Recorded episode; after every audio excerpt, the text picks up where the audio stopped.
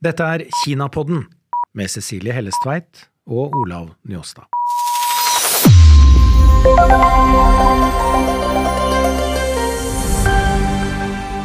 Gjest i denne episoden Bill Emmett, tidligere sjefredaktør i Economist, i samtale med Olav Njåstad. Bill Emmett, you had for years one of the most influential journalistic positions on the planet, I would say. Uh, you were extremely well read and discussed for your opinions and your sharp writing, uh, from a liberal point of view, one should say. Still, you also had one of the most anonymous positions for the simple reason that working on the staff of, or even as the editor in chief of The Economist, there's no byline, which means that, well, this is still the policy of The Economist, you don't get your name on the article. So here you are. Welcome to Kinapodden, Bill Emmott. I'm delighted to be with you.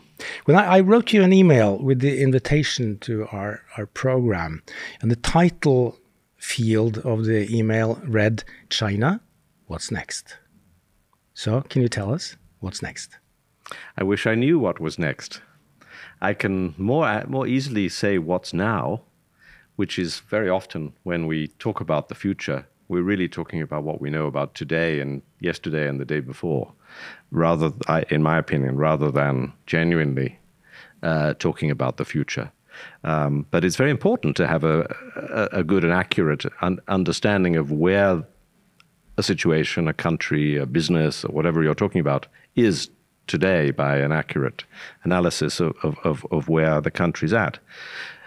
So with China, what do I observe? I think I observe one, in the relatively short term, how have they come through the pandemic? Two years ago, at the beginning of 2020, when a lot of the world, not including Norway, but a lot of the world was suffering badly and doing handling the pandemic badly, China was rather triumphalist. It seemed to have a superior system a lot of outsiders admired the way it managed to even react quickly to build temporary new hospitals to deal with the problems in Wuhan and then get deal with them very quickly.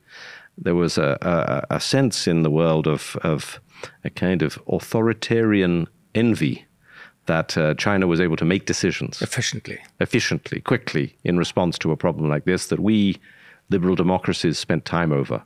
We argued too much. We couldn't. We didn't have centralized power. So if we fast forward two years, two and a half years from then, China doesn't look anything like as good. Why? On COVID, it's because they took a decision, the authorities took a decision about what kind of objective they should have. They call it the zero COVID policy. They should eliminate it at all costs. And that is a decision that they've stuck to too rigidly. So they have ability to make fast decisions, but they also, when they've made a decision, they don't want to change it. They're rigid uh, in that communist, bureaucratic, dictatorial system. And what that's done is it's damaged the economy, it's damaged society. It means that there has to be intensified surveillance with long lockdowns whenever a few infections pop up in Shanghai, in, in Guangzhou, in all sorts of cities. And that is helping to mean that two and a half, three years later, China actually is emerging in a weak state rather than this triumphalist state. Now, it's not, stuck. It's stuck. It's stuck. It's stuck with zero COVID. Its borders are closed. Uh, Chinese tourists are not visiting the rest of the world, but equally nobody's able to visit China. People to people exchange very crucial for scientists, for business, and so forth, has slowed right down to not to zero, but to very slow because of the quarantine requirements. So China has become more cut off in, in that sense, culturally, intellectually, and so forth. And meanwhile, um, in any case, the economy has been suffering from a slow collapse of the proper, of property markets in a lot of cities, and construction and property fueled by debt had become a very important part of the Chinese economic model in recent years. So, fast forward out of the pandemic, instead of being triumphalist, actually they're looking rather weak. Um, not such an attractive model, still strong, but not such an attractive model. What's next? They're about to, to give a third term to the supreme leader, as he don't, doesn't call himself, but that's what he is, the, the dictator, uh, President Xi Jinping, breaking the rule of term limits that all many years ago Deng Xiaoping in the late 1970s had introduced to eliminate the problem as he saw it of personalization of di- personal dictatorship set by Mao, Mao Zedong, um, Chairman Mao. Now Xi is breaking and destroying that term limit system in order to concentrate power in his own hands. So what's next is a weakened China, but nevertheless a strengthened dictator.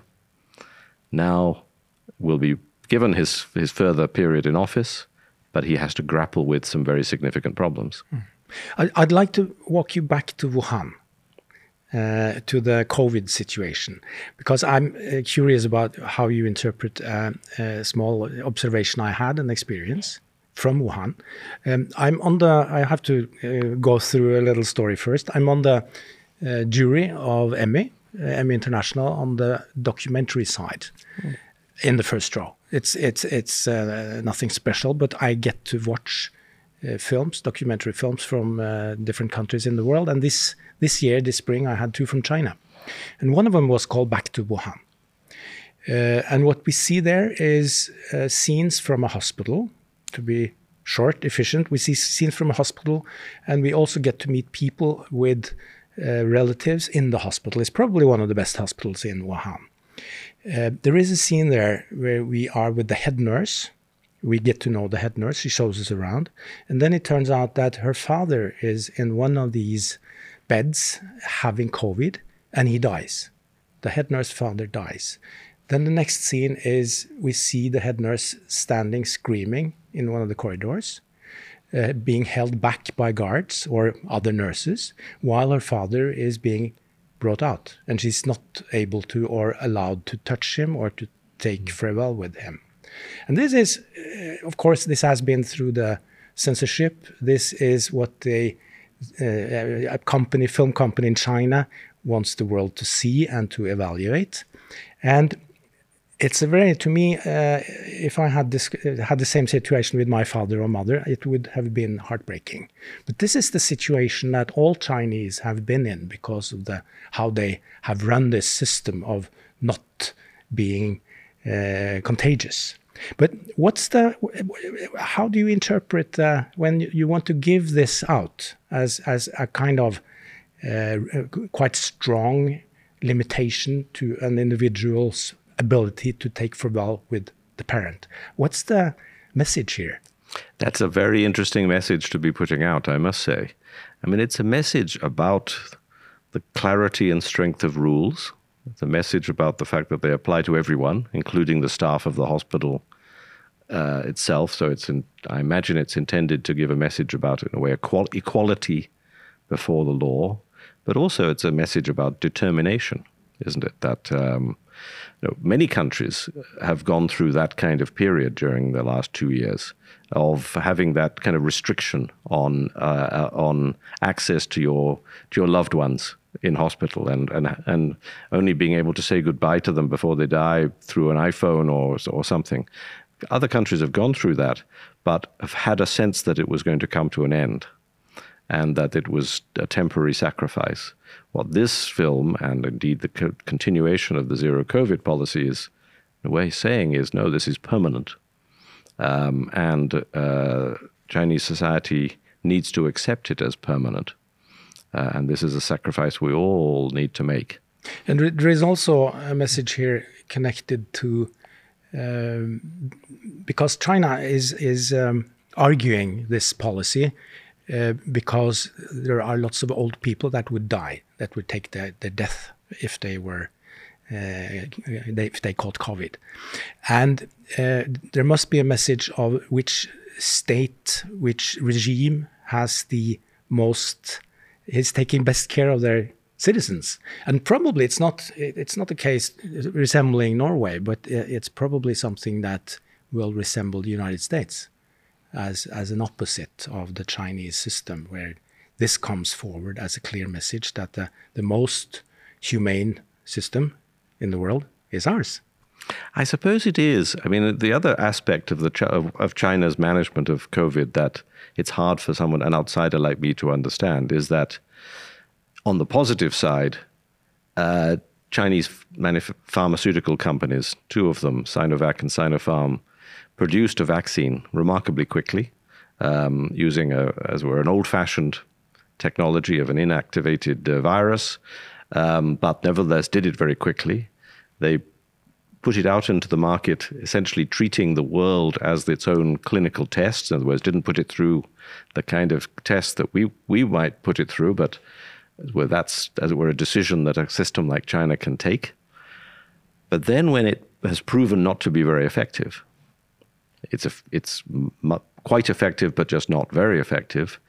And as a, as a result, the elderly people in China are still vulnerable because, unlike in Norway or in the UK or in Ireland, where I live, um, the where the highest proportion of vaccination is among elderly people, usually now four um, mRNA jabs. Um, I've had four. Um, in China, the elderly are left surprisingly vulnerable. The levels of vaccination, even with the less effective virus, are quite low among the elderly, and the, there's been a resistance to importing the Western uh, vaccines.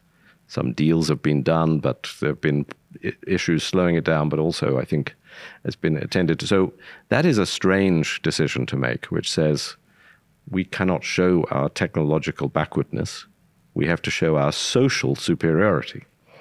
Mm. Um, In the session arranged by Civita, the Norwegian liberal think tank, you play with some words um, or the thought about the unknown unknown. Where are you in this with China? What is it now in in the in in this? Maybe you have to explain then the radical uncertainty, which is a characteristics of our our new time now. Well, I think that uh, an important uh, point that one needs to recognize about our time is that um, we've had an, an extraordinary series of shocks to the world. Um, we could start maybe something a bit tech. Well, 2008 financial crisis, then 2016 America starting trade wars and attacking multilateral institutions. Maybe that's a crisis that the pointy headed intellectuals like me worry about more than anyone else. But then the pandemic, and now the war in Ukraine. Uh, and my point is that uh, these are all things that you could, in theory, predict. Bill Gates predicted that there would one day be a pandemic that would uh, affect the world in this way. Lots of national security uh, or national risk assessments in countries included the possibility of a pandemic among their risks, but nobody predicted it would actually happen and the way it happened. So we have to accept that we don't know what some of the big things that can change the world. Um, so I think that in an atmosphere of such radical uncertainty, which means we just cannot calculate probabilities. We have to be rather humble about what we know and what we don't know, but also resist the desire to, to predict the future in the in the sense of saying, "Oh, I know what's happening." We're dividing after the war in Ukraine into two rival camps. There's the China camp, and then there's the American camp, and everyone has to choose which camp they're in. For example, um, and I think that that is a mistake because it actually assumes a certain set of predictions both about the world and, and Western policy, but also about China. Um, what does China want to do on Taiwan? How will China respond to political tensions with European capitals, Western capitals over, for example, technology? Will it become more inward looking and closed off, or will it try to remain integrated into the world? Will it uh, understand the weakness of its technology that's been shown by by the vaccines and therefore decide not to cut itself off, or will it become, in a way, overly proud and maybe a bit paranoid and shut itself off? These are genuine uncertainties, of which, of course, Taiwan is the most explosive one, literally. Mm. Um, would, would, you say in Taiwan or on Taiwan? um, about Taiwan. About Taiwan. yes, including in Taiwan, but mainly about Taiwan. Yeah. Yeah, um, and you know the basics on Taiwan are this: that that um, you know, from a Chinese point of view, uh, there it has been agreed between Richard Nixon and uh, and Mao Zedong that there is one China. We, we should explain the one China policy because Yes. this is central to the It is. discussion. It is central. And so Nixon and Mao agreed in 1972, uh, his historic visit, that uh, Taiwan should give up its seat, the Chinese seat at the United Nations, and that um, Taiwan should not be, um, as it were, occupied by force, they said, but nevertheless, America agreed that there was, nevertheless, there was only one China, There is a horizon of unity. so they were temporarily separated, exactly. From a Chinese point of view, that means that every discussion, every move should have in its mind future unity and a path to unity. A Western view of it is that, well, we would like to think of it that way, but what do the Taiwanese people think about this? And by the way, we're now 50 years later, and Taiwan has become a democracy, increasingly with its own ideas and its own identity. If the Taiwanese people don't want to be part of China, it's up to them. They're right. So there's a fundamental analytical difference about it. But we have to understand as outsiders that there's a that the Chinese attitude is not just imperialistic. It's a, it has they have a feeling that there is an unfinished civil war. Yeah. That- They tried to invade in 49. and Exactly. Didn't succeed. Exactly. And Taiwan was the home of the defeated side in the Civil War of, of Chiang Kai shek and the Kuomintang. So, therefore, it is, it is, as it were, an unfinished civil war. And Taiwan also was loosely part of China until China fought a war with Japan in 1895, which Japan won, and Taiwan became a, China, a Japanese colony. So Taiwan is also an unfinished part of, as it were, a China Japan. Uh, let's call it dispute, to use a mild term, during the 20th century, which you know, led to a terrible war in China in the 1930s, which is obviously a severe part of Chinese historical memory. So Taiwan is a very sensitive issue, um, and it's genuinely very difficult to predict how the author- how the authorities in China think about it, and and how to how they think about seeking to bring about the unification they believe should happen at some point. The, the, the one China policy is important to China, of course, because of the uh, agreement of a, a coming unity, which has not been set on a date, but also because uh, it's accepted from the United States and from the Western world. It's, it, it, it's not disputed. But could you say that the most important thing for China today is to keep the one China policy, that's what they defend, or is the most important thing to get China, get Taiwan into a, a communist party rule? I genuinely don't know the answer. Um, and I think that when you li- when I listen to scholars or military people or others debating China and Taiwan, um, I hear all sorts of theories about capabilities, costs and benefits, Chinese ambitions, timing. Is it necessary by a certain time? Is it not necessary by a certain time? And these are all theories. So an unknown unknown on Taiwan. It's would- genuinely would an be- unknown unknown. Yeah. Now, we have learned, I hope, as outsiders to these totalitarian countries, that we should take seriously what their leaders say in their speeches and their, their broadcasts, their articles as well. Vladimir Putin essentially told us quite regularly What he was going what to he do. was going to do, and then he did it. And uh, Xi Jinping tells us quite regularly in his speeches that uh, an important mission is to reabsorb Taiwan into uh, into the motherland as as he sees it. Now, what more privately is clear is that uh, China doesn't think that the West accepts the one China policy. It thinks it has a hollow or empty faith in that one China policy and that the West really believes in self determination for Taiwan if Taiwan wants it.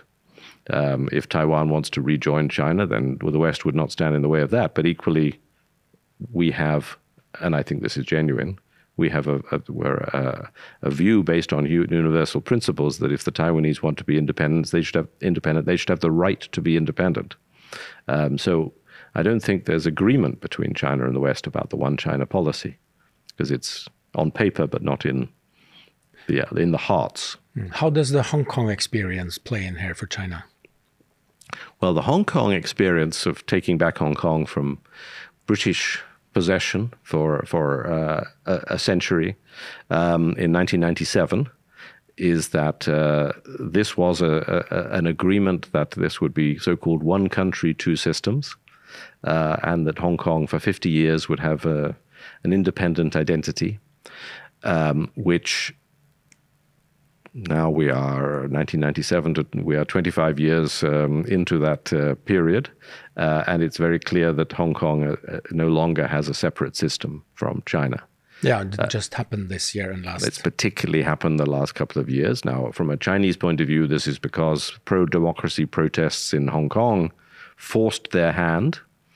In the words, the the, the people of Hong Kong um, rebelled essentially uh, and demanded direct elections for their own government, uh, which China found unacceptable, and now China has imposed very strict controls and really absorbed China they, in and abolished the, the separation. They only recognize the patriots as exactly. members of the city council. Exactly. So Hong Kong has become a kind of unlivable city, really, from the point of view of certainly many expatriates who used to be there, but also many Hong Kongers unusually, my country, the UK, uh, I say unusually, has been rather generous in offering citizenship to Hong Kong uh, residents who had a, a, a, a, kind of British passport before 1997. They're entitled to come and live in the UK. That's unusual because we've not been very generous on immigration in recent decades, but now we have on Hong Kong, and actually quite a lot of people have moved. So Hong Kong is is uh, was seen as a being of an encouraging model for Taiwan 25 years ago, now it's a deeply discouraging one because it's, uh, it, it tells the people of Taiwan and outsiders that joining Ch- China cannot come with, uh, with uh, conditionality that says you are, you're able to be independent. You're either part of China or you're not, basically. To enter this unknown field, then, because you have written that weakening the Chinese superpower ought to be a concern for us all. How is this? Well, I think that in trying to speculate about China's intentions regarding Taiwan, people divide into those who think that China that time is on China's side because of the belief that China has a long-term view, that China is growing in its political strength in the world, China is growing in its military strength. So don't ev- awaken the bear, the sleeping. Don't don't awaken the bear or the dragon in China's case. Yeah. um, the dragon is not a, it's not a vicious animal in China. It's you're good, right. It's not you know, probably it's, the right. Uh, it's, it's, it's not yeah the right animal metaphor. That's right. Um, but for, for, for Chinese, yes, it would be because it's the good animal bringing or the good figure, yes. you know, creature bringing the good stuff in yes, and it's certainly you can't talk about a, a, the panda awakening the panda. anyway, whatever the metaphor, anyway. the, the yeah. there has been a comforting belief that that it'll be easier for China in 2040 than it is in 2022, and therefore mm. they'll wait. However, if you have a weak China under some social tensions domestically, a China whose population is now beginning to fall, that's entering a cycle of yeah. demography that is uh, producing an aging society, like Japan uh, started 25, 30 years ago to, in the same cycle, that actually China could conclude that, uh, in fact, time is not on its side, that actually its economy is not getting strong enough. It should think always, can I do it now? Uh, that doesn't mean it will do it right now, but it, it, it, it's that, a change in perspective. That this would say that yeah. in weakness there's a change in perspective, which says if you see an opportunity, you'd better try for it because the same opportunity might not come again later. And by the way, Taiwan's defense will get stronger um, in the future. So I think it's genuinely hard to predict how Xi Jinping and the people around him would calculate about this issue. One can certainly say that the experience of watching his Russian partners in Ukraine and the failure that they've uh, been going through in the last seven months in their invasion of Ukraine would suggest to him to learn that actually the risks of trying something rather ambitious like this are pretty high, and that what what Vladimir Putin has had to do, or chosen to do, in in his belief that he's reabsorbing Ukraine into Russia, he's actually destroying Ukraine as he's doing it. So he's having to be more and more destructive uh, of Ukraine, or has been until he started losing the battles recently and retreating. But that's what he's done. So does China really want to invade Taiwan in order to destroy it? To reabsorb it into the mainland by by destroying its its capability and its society? Probably not. So there's a difficult calculation if you're if you're Xi Jinping. I'm sure that the preference would be to seek to reabsorb it through through intimidation rather than invasion, through a kind of coercive unification that had the implication of the use of force, but didn't actually ever have to do it. So that's the lesson learned from the Putin's Ukraine yeah, I mean, actions. yeah, one of the lessons anyway. Yeah. The second lesson is have better military equipment than, than Russia obviously has. Um, and I'm sure China's learning that lesson. Um, but you know, w- one thing that's been very loud this year has been President Biden saying, I think on four separate occasions, when asked, and probably the question was invited, Will mm-hmm. you send American soldiers? to fight if in the case of an invasion? And his answer is yes. Yes. And he's said that four times, and each time the It's is been reversed. the White time. House has said, "Oh no, no, no, we wish to explain. There's no change of our policy." But of course, he said it deliberately. He said it also because the neighbors, particularly Japan, have asked him to say it because they have been worried about the impact of that we're not going, not being willing to fight Russia in Ukraine. That it might suggest that America wouldn't actually fulfill its promise to to But there is an ambiguity there Yes. until China invades. Yes, you get to exactly. There is always an ambiguity until the, the real question is asked. Yeah. But he's been very anxious to say that he would do it. Now, this doesn't bind future presidents. We don't know what his successor or the successor of that one would do. And Would- that will always be in China's mind. What would the worst development in the U- United States be in light of China's position?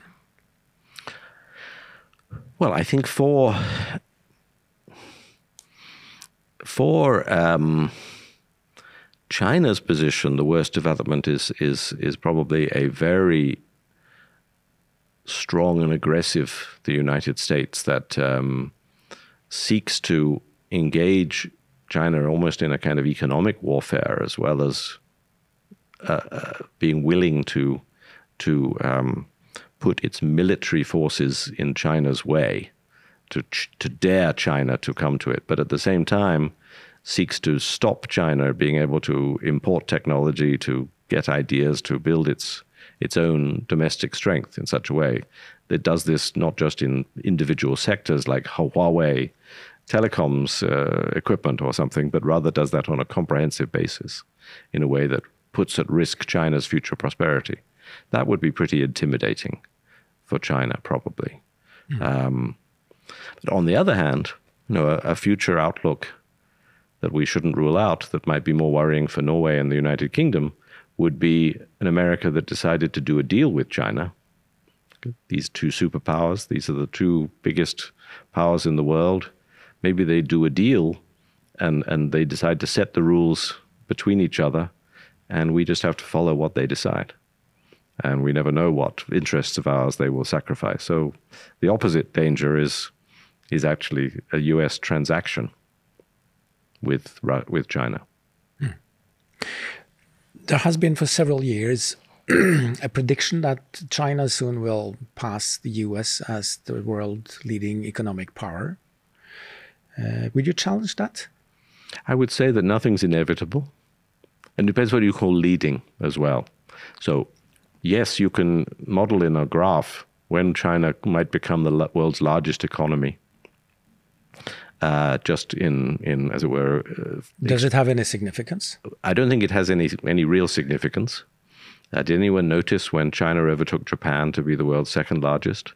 Does anyone remember when Japan overtook Germany to become the world's second largest? No, it's it's not really. It's not really. It's a landmark psychologically, domestically, but it doesn't bring you anything specifically. But if you if you look at the charts actually, and and and project forward current rates, China's now not likely to overtake the U.S. until much later. Why? Because the currency is weakened against the dollar. Because China is in a weak economic phase. So we don't know what the future of either country is going to be, but nevertheless, this is not anyway inevitable.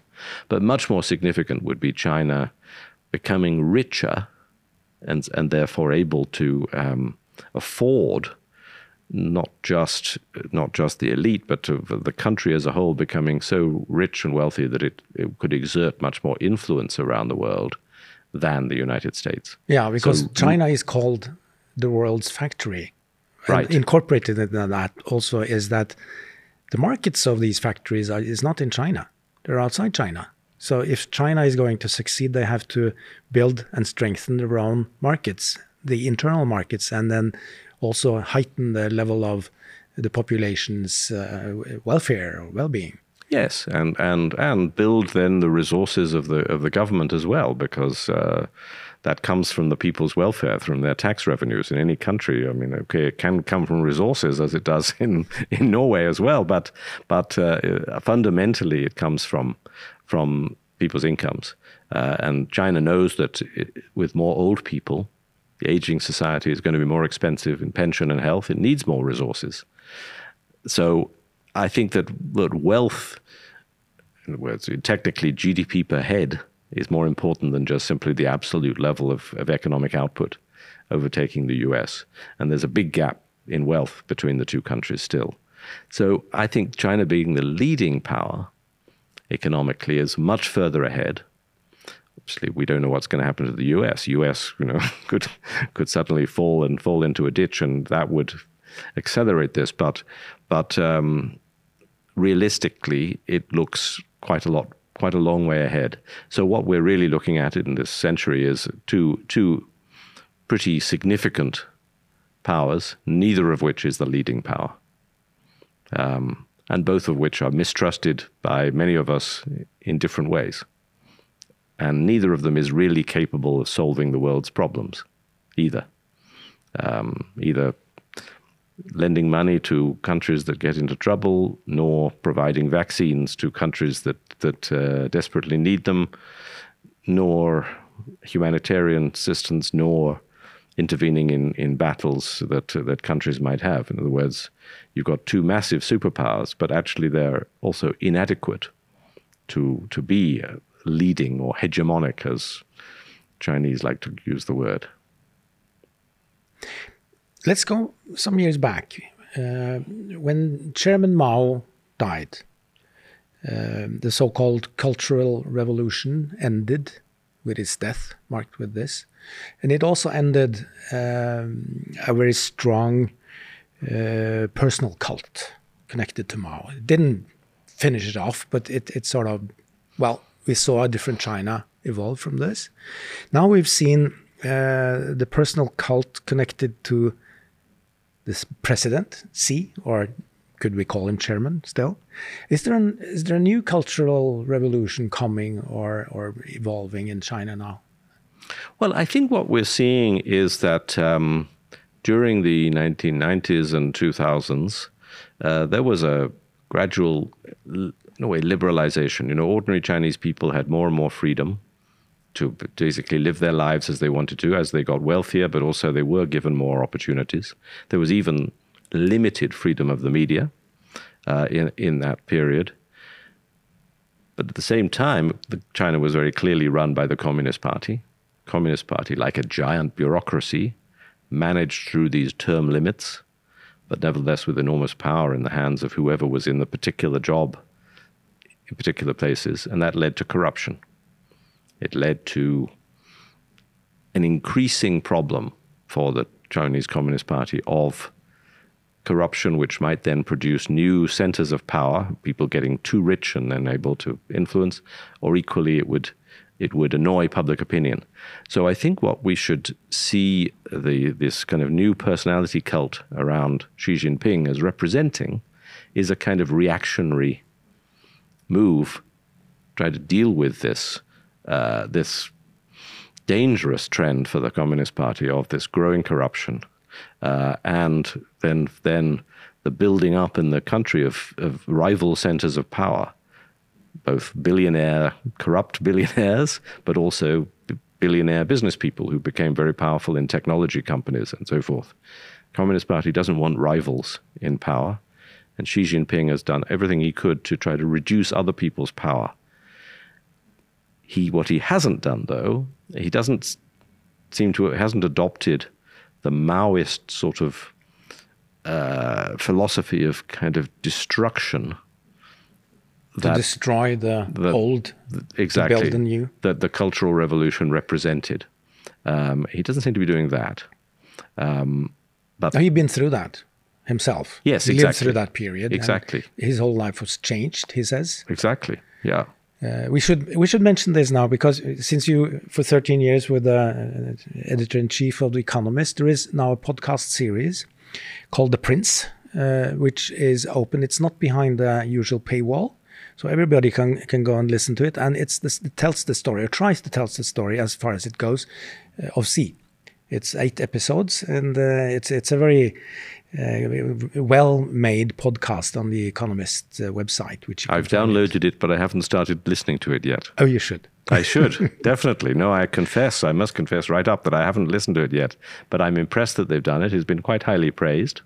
Uh, and um, I usually listen to podcasts when I'm walking my dogs on the beach, and I need to do a lot of walks to be able to take in the eight episodes. And it must have been a, a, sort of challenging situation to, or, or, or a challenging uh, decision to make because with the voice you also have a name you know and the economist doesn't have bylines so no well they've become you know in some ways a, a more of a multimedia company than they yeah. were in my time there. So therefore, yeah. there's a more variety in that kind of uh, that thing. They have podcasts, they have webinars, they have they have things where you do have names and other places yeah, where you suddenly don't. you get the face and you, exactly. and you understand the resources that goes into this journalism, exactly. which is quite exactly quite, quite but, unique. But no, I will listen to that. Um, but it's but he has a, clearly a, a fascinating history, but also he represents a fascinating kind of gener- part of the generational change um, in the in the Communist Party. Mm.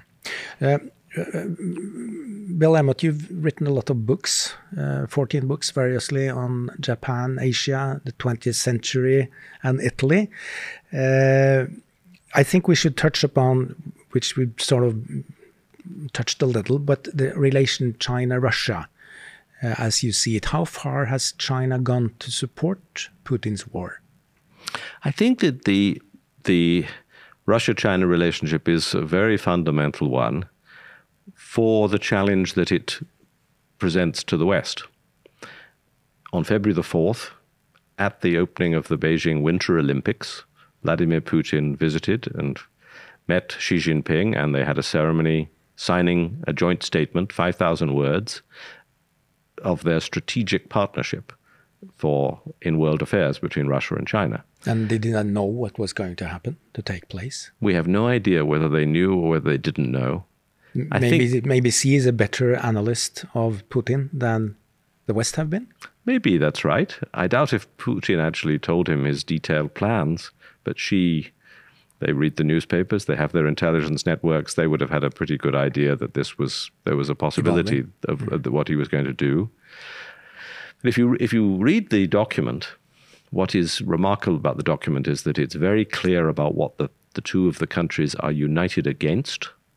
That is Western leadership. That it's very unclear what they're for, what they what they would want to do together, except simply undermine Western domination of, of, of the world. So they are they are, if you like, an alliance of the aggrieved or of the of or of the resentful not an alliance that has a, a, a, joint vision about how they want think the world should be run.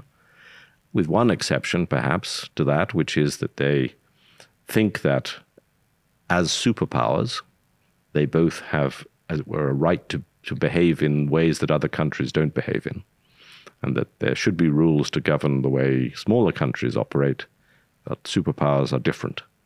Uh, and that's clear in, in, in the acceptance of the fact that Putin has used force to seek to absorb Ukraine into Russia, which is an action which actually is expressly ruled out in that February the 4th strategic partnership statement, saying, you know, countries should not invade each other. Force should not be used. Well, this means other countries should not, but we are different. So that, that's a, a, perhaps a long way of saying they are united by what they're against rather than being truly uh, an alliance. Secondly, the experience of the last seven months is that um, Xi Jinping has given Russia diplomatic support, but not military support. When something has been provided, it's been to, to do with food supplies, not to do with military supplies. I think that Xi Jinping has decided to stay out, to, to stand back, not to condemn, but to, to, to not, not to get involved directly. Does that tell us anything about the future? I think it tells us that, that China is going to be careful about this, this relationship. It also probably tells us that China is a bit afraid that it's, it's, it's allied itself with a weak party that ends up a loser and that that gives some damage back to China and it's in its relationships, its reputation, its its network in, in the region immediately around China. So I think that, that Xi is being pretty careful. Uh, basically, it's pretty hard to have a close alliance of two such large countries, both of which have, you know, thousands of years of history and literature and culture and and in a way a self-esteem that says we are great, we are historical, we are civilizations. Um, so I don't think we should think of this as being likely to be an operational alliance, but nevertheless, clearly it's a marriage of convenience because they want to resist and undermine Western leadership. It's good to have, have you in our podcast studio, Bill Emmott, uh, in Kinapodden. A, a, last question here now before we finish off. Uh, your book, The Fate of the West, the battle to save the world's most successful political idea. Uh, you published this in 2017, five years ago. Um, would you write a new chapter in that book today? And what about? I would definitely write a new chapter about um, the way in which Western societies responded to the pandemic and now the way in which they're responding to the war in Ukraine. Uh, because these are two quite different threats to our democracies and to our societies, but that have tested our resilience and tested, in some ways, our faith in liberalism and and the values that we claim to hold dear. Uh, and actually, I think we've done pretty well through both of these. Uh, and and what those two devastating episodes have shown is that the liberal idea has great strength and that it's worth fighting for, and that people think it's worth fighting for, and that countries are willing to collaborate with one another in fighting in the war in Ukraine. Less so in the pandemic, but we collaborated more on a private sector basis in terms of the vaccines and uh, and, and some of the financial issues, particularly within the European Union, for example. Um, so I think that it's actually been a hopeful period from the point of view of the world's most successful political idea, liberalism, because it's an idea that contains within it the ability to keep correcting errors, that leaves that believes our societies should be flexible and adaptable and responsive to threats like a pandemic, like a war in Ukraine, and that has enough social consensus to be able to galvanize ourselves to take sacrifices and really focus our attention and our resources on dealing with those crises. So I'm not saying that that means that liberal democracy's threats are at an end, but actually I think it's been a positive, like, case study. They might be guarded by a positive dragon. That ended this talk on a good note, a good jazz note. Thank you for coming to Kinapodden. It's been my great pleasure. Very enjoyable conversation.